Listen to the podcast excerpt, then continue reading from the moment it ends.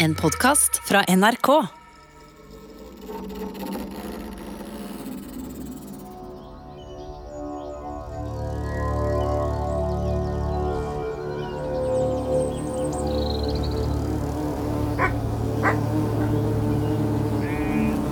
På tunet til Kongens gård, kanskje i Trondheim, kanskje i Bergen, sitter en liten gutt på en stein og venter på faren sin. Magnus heter han. Faren hans, kongen, Olav Kyrre, er en travel og opptatt mann som farter mye rundt i landet og er i møter dagen lang. Med prester og biskoper, ambassadører og utsendinger, murermestere, snekkermestere, steinhuggere, byplanleggere, laug- og gildeledere, storbønder, handelsmenn fra Hålogaland og Island og England og Tyskland. Og når kongen ikke gjør det, hjelper han til med gudstjenester og salmesang. Så han Magnus sitter mye og venter på far sin. Det er dritkjedelig. Heldigvis er nok av gamle, arrete, gråskjegga veteraner i hirden til faren, som også sitter og venter og kjeder seg. De forteller om gamle dager og eventyrene til farfar, vikingkongen Harald Hardråde. Hvordan farfar hadde stukket ut øynene på selveste keiseren i Miklagard, så han ble steinblind. Steinblind! Om da farfar erobra 80 borger i Middelhavet. 80 borger, ja! Det var andre boller enn faren. Faren er altfor seriøs, fredelig, bokorm, nerdete, døll. Hirden er nok beste plassen for Magnus å være. Mora til Magnus ei lavtætta frille eller elskerinne. Faren har ei dansk kongsdatter som dronning. Men det er ikke noe synd på han Magnus, altså, sjøl om faren er fraværende. Hirden til kongen tar godt vare på han, lærer han å slåss og greier. Hvis vi skal sammenligne Hardråde-ætta sitt styre i Norge med en familiebedrift, og det kan man jo, det var jo det det var, da var farfar Harald Hardråde den ambisiøse gründeren som satsa stort internasjonalt og tok den altfor langt. Nestemann, Olav Kyrre, endra strategi. Med Olav ved roret skifta fokus mot det mye mindre norske markedet. Skulle ikke gape over for mye. Kjerneverdiene rettferdighet, fellesskap og fred ble en suksess for landet. Det var solid, det var traust, det var ikke så veldig spennende, men det funka i mange år. Men når det endelig blir min tur til å ta over, tenker Magnus der han sitter på steinen. Da skal jeg røske opp i sakene.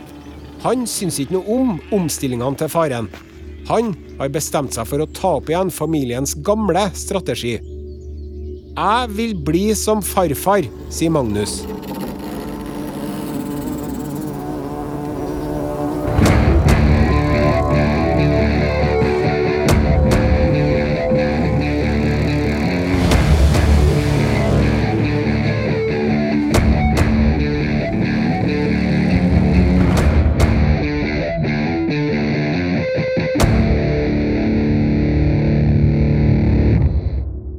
Du hører Kongerekka med Are Sende Osen, sesong to. En podkastserie om de norske kongene. Episode fire Magnus Berfødt. Kongen som ikke hadde skjønt at vikingtida var over.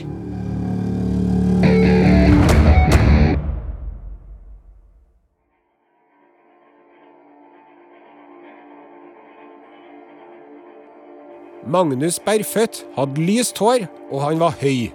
Høyere enn andre menn. Bortsett fra faren sin, da, og farfaren. Herre vet vi fordi i ei kirke i Trondheim var det hogd inn tre kors i steinveggen. Det øverste korset satt dem der Harald Hardråde traff når han kyssa veggen rett fram uten å bøye seg ned eller strekke seg. Under der var et kors der kong Olav kyssa veggen. Og under der igjen, der var korset på kysseplassen til en Magnus Berfødt. Kyssing av vegg der, altså. Spør du meg, er et vel så bra system å legge en linjal på hodet og sette en strek. Jeg er glad helsesøstre, unnskyld, helsesykepleiere landet over Ikke måle høgda på skolebarna ved å få dem til å kysse veggen. Syns jeg høres både upraktisk og uhygienisk ut, så det opplegget der er det like greit at de slutta med. Men hvor var jeg hen? Magnus Berføt var høy, men han var ikke så høy. Og så så han rask ut. Hva sier du, Osen? At han så rask ut? Ja, det står det i Snorre, at han hadde et raskt utseende. Hva nå enn det betyr. I dag hadde han sikkert gått med raske briller. Han var den typen, ser jeg for meg.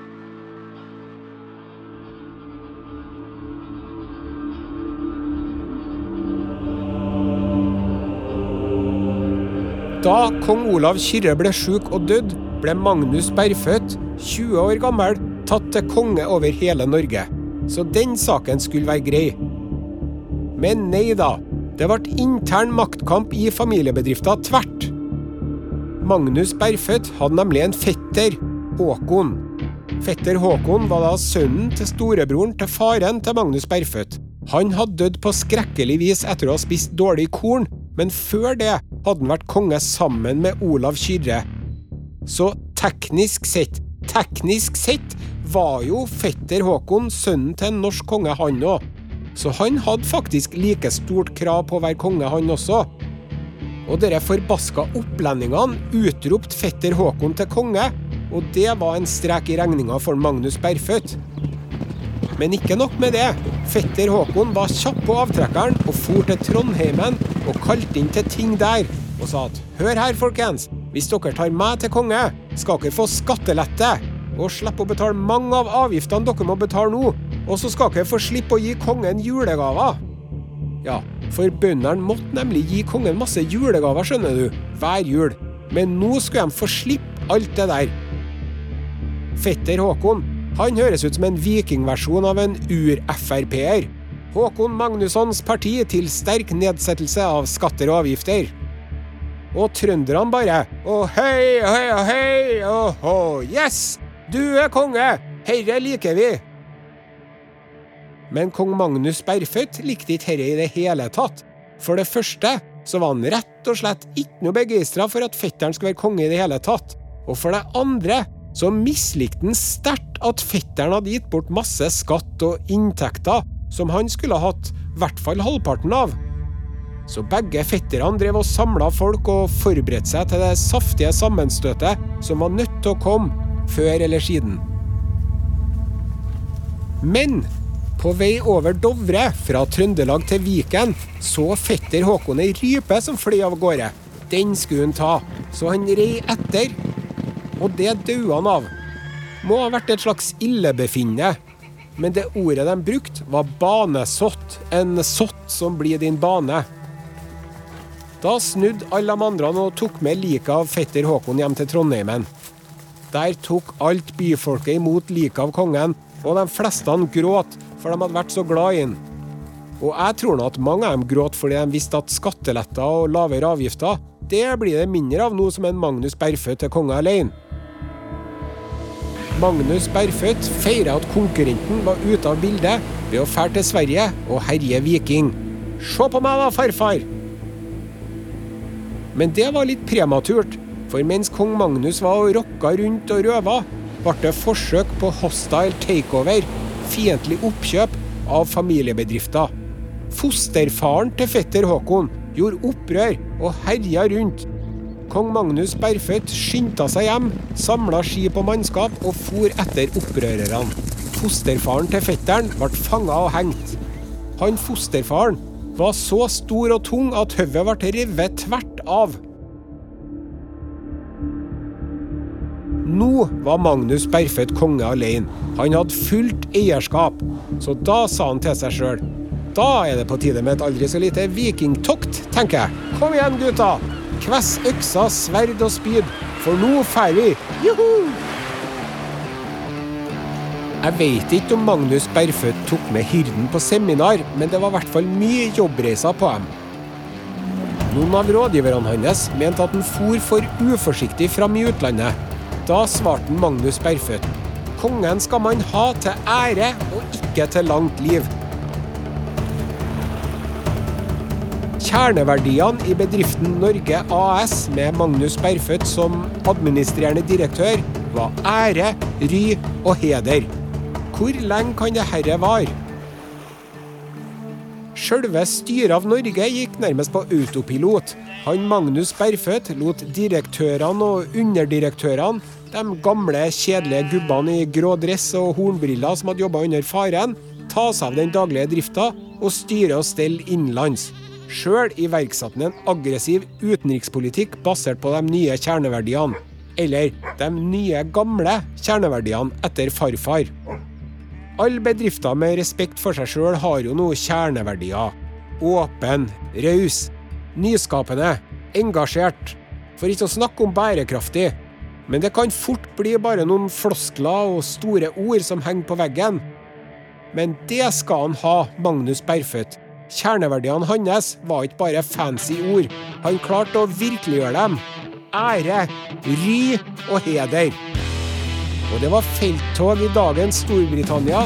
Det var invasjon av Sverige og mer felttog i Storbritannia. Det er noen som mener at vikingtida slutta med Harald Hardråde. Eh, det gjorde den altså ikke. Og om den gjorde det, så hadde i hvert fall ikke Magnus Berfødt fått den e-posten, for å si det sånn. Han Magnus Berfødt, han var viking, han. Guttedrømmen hadde gått i oppfyllelse. Livet var som en actionfilm, med alt en actionfilm skal ha. Store slag, heltemodig nærkamp, angrep, motangrep, tilbakefall, nær døden og på håret-opplevelser. You name it. Sleng med vakre kvinner. Han rulla rundt i med om kveldene. Mange vakre kvinner. Han var gift òg, med ei svensk kongsdatter. Men det la jo ingen demper på kvinnehistoriene i de tider. Den actionfilmen der, den mangla ikke action, nei. Og Magnus, han hadde hovedrollen. Han var helten. En gang var de nede i Wales og herja. Da kom det en svær hær mot dem, leda av to normanniske jarler. Huge Prude og Huge Digre. Ja, det er sånn man sier det på norsk. Huge Digre er Hugh de Avrange, den andre jarlen av Chester. Han het Digre fordi han var så feit. Han Huge Digre var kjent for fråtsing, fortapthet og svindel. En skikkelig bading. Et annet tilnavn på han var Ulven, fordi han var så hard og rå i strid. Artig fun fact. I dag er det den britiske kronprinsen Charles som er jarlen av Chester. Ja ja. Han andre Huge, Huge Prude, altså Huge Prude, betyr jo skikkelig snerpe på engelsk. Men jeg tror ikke at det har noe med navnet å gjøre. Han Huge Prude, han var jarlen av Shrewsbury. Den tittelen er det òg en mann borte i England som har, den dag i dag. Han heter Charles Henry John Benedict Crofton Chetwin Chetwin Talbot. Du vet de er ordentlige adelsfolk når de har samme navnet to ganger. Men nok om det, og tilbake til slaget i Wales i 1098. Det var en hard strid. Kong Magnus Berfødt drev og skjøt med buen sin, men han Huge Prude, unnskyld, Huge Prude, han hadde brynje og rustning over hele seg. Det eneste som var bart på han, var øynene. Men Magnus Berfødt sikta mot øynene, og det var det en ved siden av kongen som gjorde òg. De skjøt samtidig. Den ene pila traff bare nesebeskyttelsen på hjelmen og spratt ut til sida. Den andre pila for rett inn i øyet på jarlen og tvers gjennom hodet. Og den pila, den kom jo selvfølgelig fra kongen, og ikke fra han som sto ved siden av. Nei da, nei da, nei da, nei da. Nei da. Han andre jarlen, feiten, Huge Digre, han stakk av da Huge Prude ble drept. Og så for Magnus Berfødt videre og herja i det strøket der.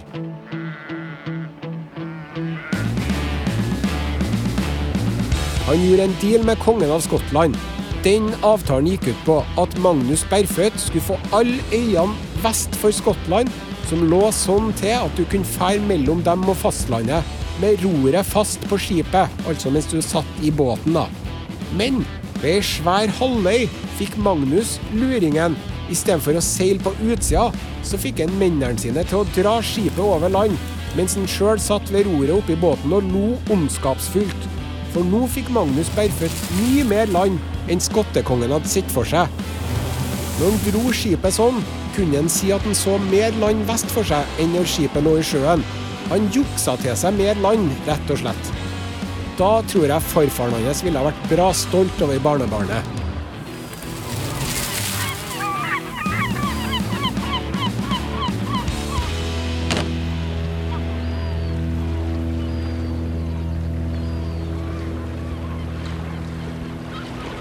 Det var nære på noen ganger òg. Husk at de sa det til en Magnus Bergfødt, at han var altfor uforsiktig. En gang han var i Sverige og herja, ble de overraska av en svær hær med svensker. Mange nordmenn ble drept. Magnus Berfødt flykta på hesten sin, men svenskene fulgte etter og drepte alle de kom over. De var ute etter kong Magnus, og det var lett å skjønne hvem han var. Stor som han var, med langt, lyst hår og ei rød silkeskjorte over brynja. Mens de rir som fanken med svenskene i hælene, sier ene kompisen til kongen, som også var en stor mann med langt, lyst hår. Gi meg skjorta di, konge. Hva skal du med den, lurte Magnus Bergfødt. Jeg vil ha han, du har gitt meg større gaver før. Og så skyndte de seg bakom noen trær og bytta skjorte. De heiv seg på hestene igjen, og plutselig tok kompisen hardt til høyre, og alle svenskene fulgte etter han de trodde var kongen. Da rei kong Magnus til skipene og kom seg unna. Kompisen berga han òg, men det var nære på. Så seilte de hjem til Norge mens de flirte og kosa seg og kjente blodet brusa i årene og slo hverandre på skuldrene og flira. Steike, dere var nære på.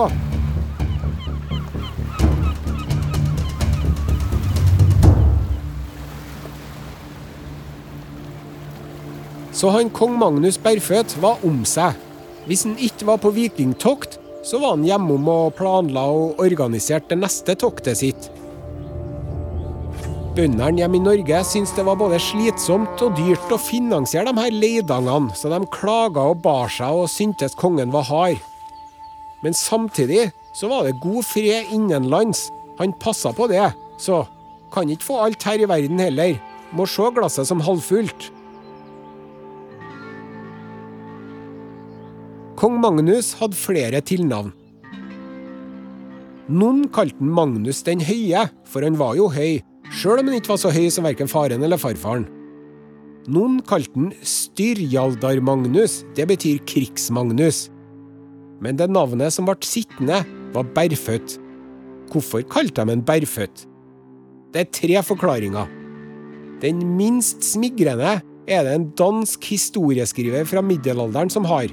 Han Saxo Grammaticus han påsto at kong Magnus en gang ble overraska av en gjeng med svensker, og fikk det så travelt med å komme seg unna at han på skamfullt vis måtte springe barbeint til skipene sine, og at denne forsmedelige flukten førte til tilnavnet. Ha! Det er helt opplagt at det kun er kjipe, misunnelige, leverposteispisende, fleskepølsefisende, rødsprengte, bayerrapende dansker som kjøper den forklaringa. Kanskje het han Berføtt fordi han foretrakk å ri barfot, uten sko, sånn som Iran brukte å gjøre.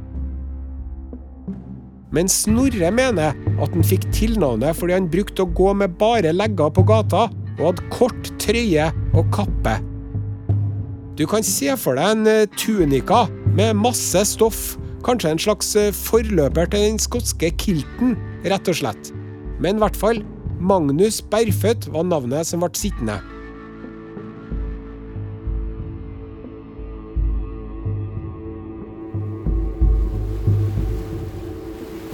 I året 1102 utrusta kong Magnus Berfødt den vakreste hæren Norge noen gang hadde sett, og seilt vestover.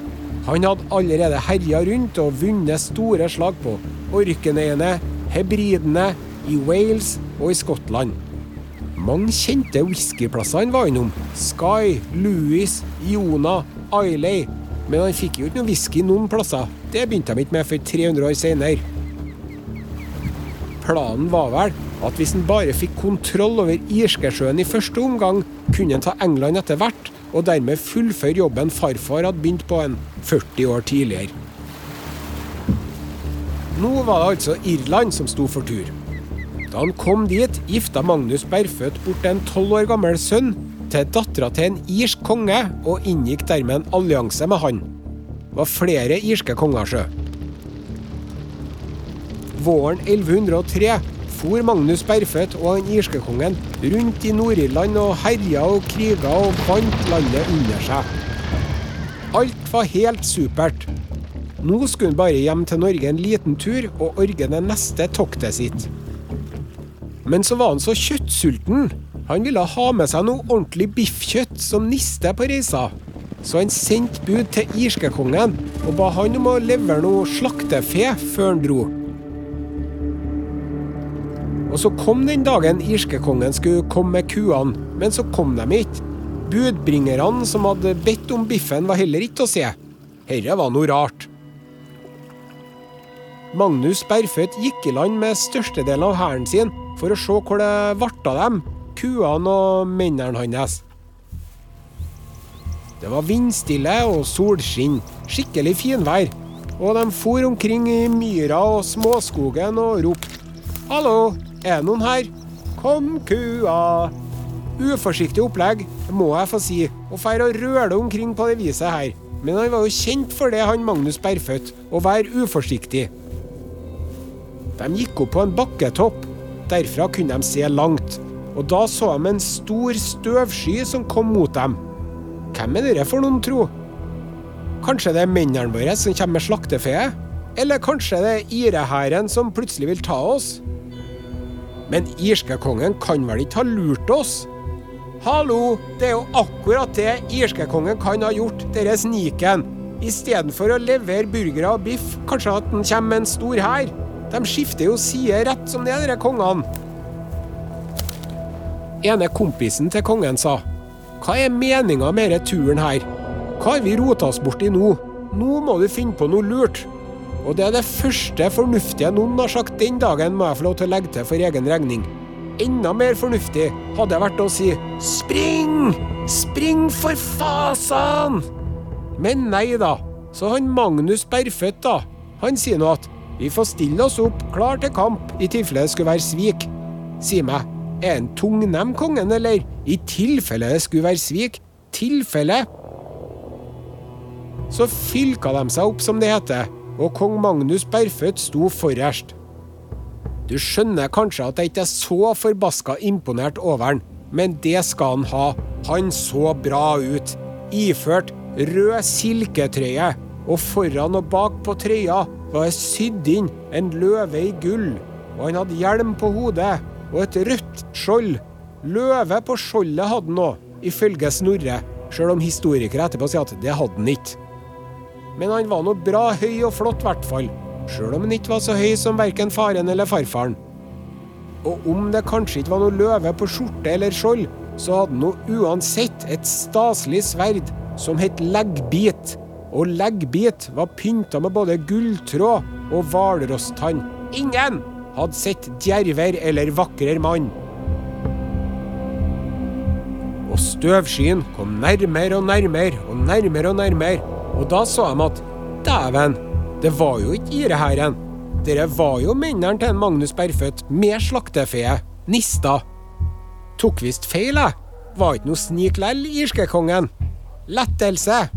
Og alle sammen bare uh, det var nære på. Å, hjelpe meg. Der trodde jeg det var skjærings en stund, jeg, ja. Ho-ho, nå fikk jeg en skrekk i livet, ja. Og så snudde de med kuene og for tilbake mot skipene.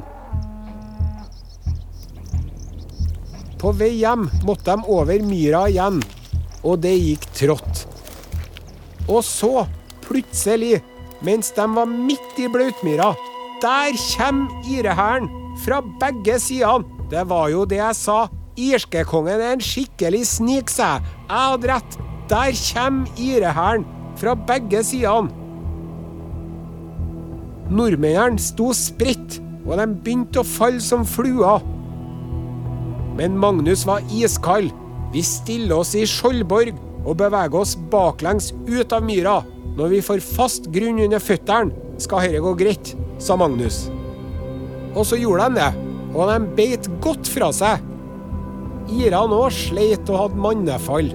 Men det var bare det at hver gang en ire falt, så dukka det opp en ny en. Endelig kom nordmennene seg til enden av myra, men der var det ei grøft, og bare noen få plasser det gikk an å komme seg over. Magnus Berføt sa til en av mennene sine, han Torgrim Skinnlue, ta med en gjeng og fær over grøfta nå, så skal vi verne dere. Og så, når dere er kommet over, fær dere på den holmen der og skyt irene med pilene deres, dere som er så gode bueskyttere, og så følger vi etter. Som sagt, så gjort. Men da han Torgrim Skinnlø hadde kommet seg unna myra, da stoppa ikke han. Verken han eller Skinnløa eller de andre. De bare kasta skjoldene på ryggen og stakk av gårde. For noen feiginger! Og da ropte Magnus Berføt noe sånt som Dårlig stil, Torgrim Skinnlø! Dårlig stil! Så fikk Magnus Berføt et sår. Det var en som stakk et spyd gjennom begge lårene hans, rett over knærne. Magnus Berføt, tøffingen, knakk spydet i to og sa Sånn bryter vi leggsperrene, karer. Etter det så sa han ikke så mye, kong Magnus Berføt, for han fikk et øksehogg i halsen. Så da ble nå han stille og død. Og dem som var igjen da, de tenkte fuck it, nå drar vi. Og så gjorde de det. Kong Magnus Berføt, som en brukte å si, kongen skal man ha til ære og ikke til langt liv. Det mottoet levde han og døden etter.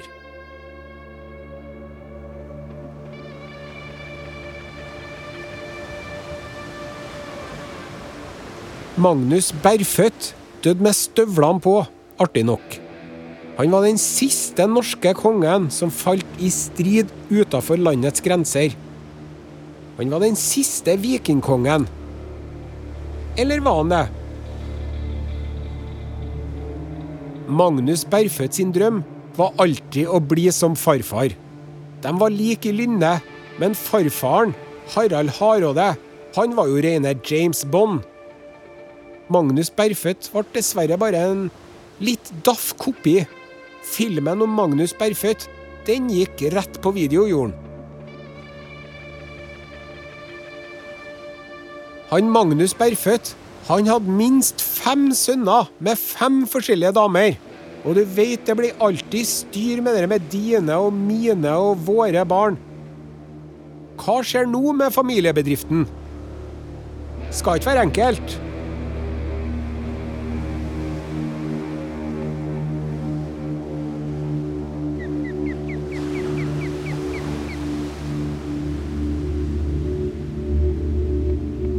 Du har hørt Kongerekka, laga av Are Sende Osen og Ragnhild Sleire Øyen.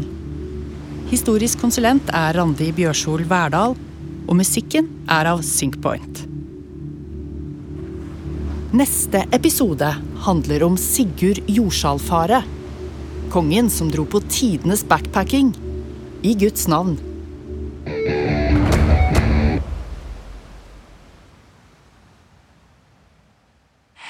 Du har hørt en podkast fra NRK.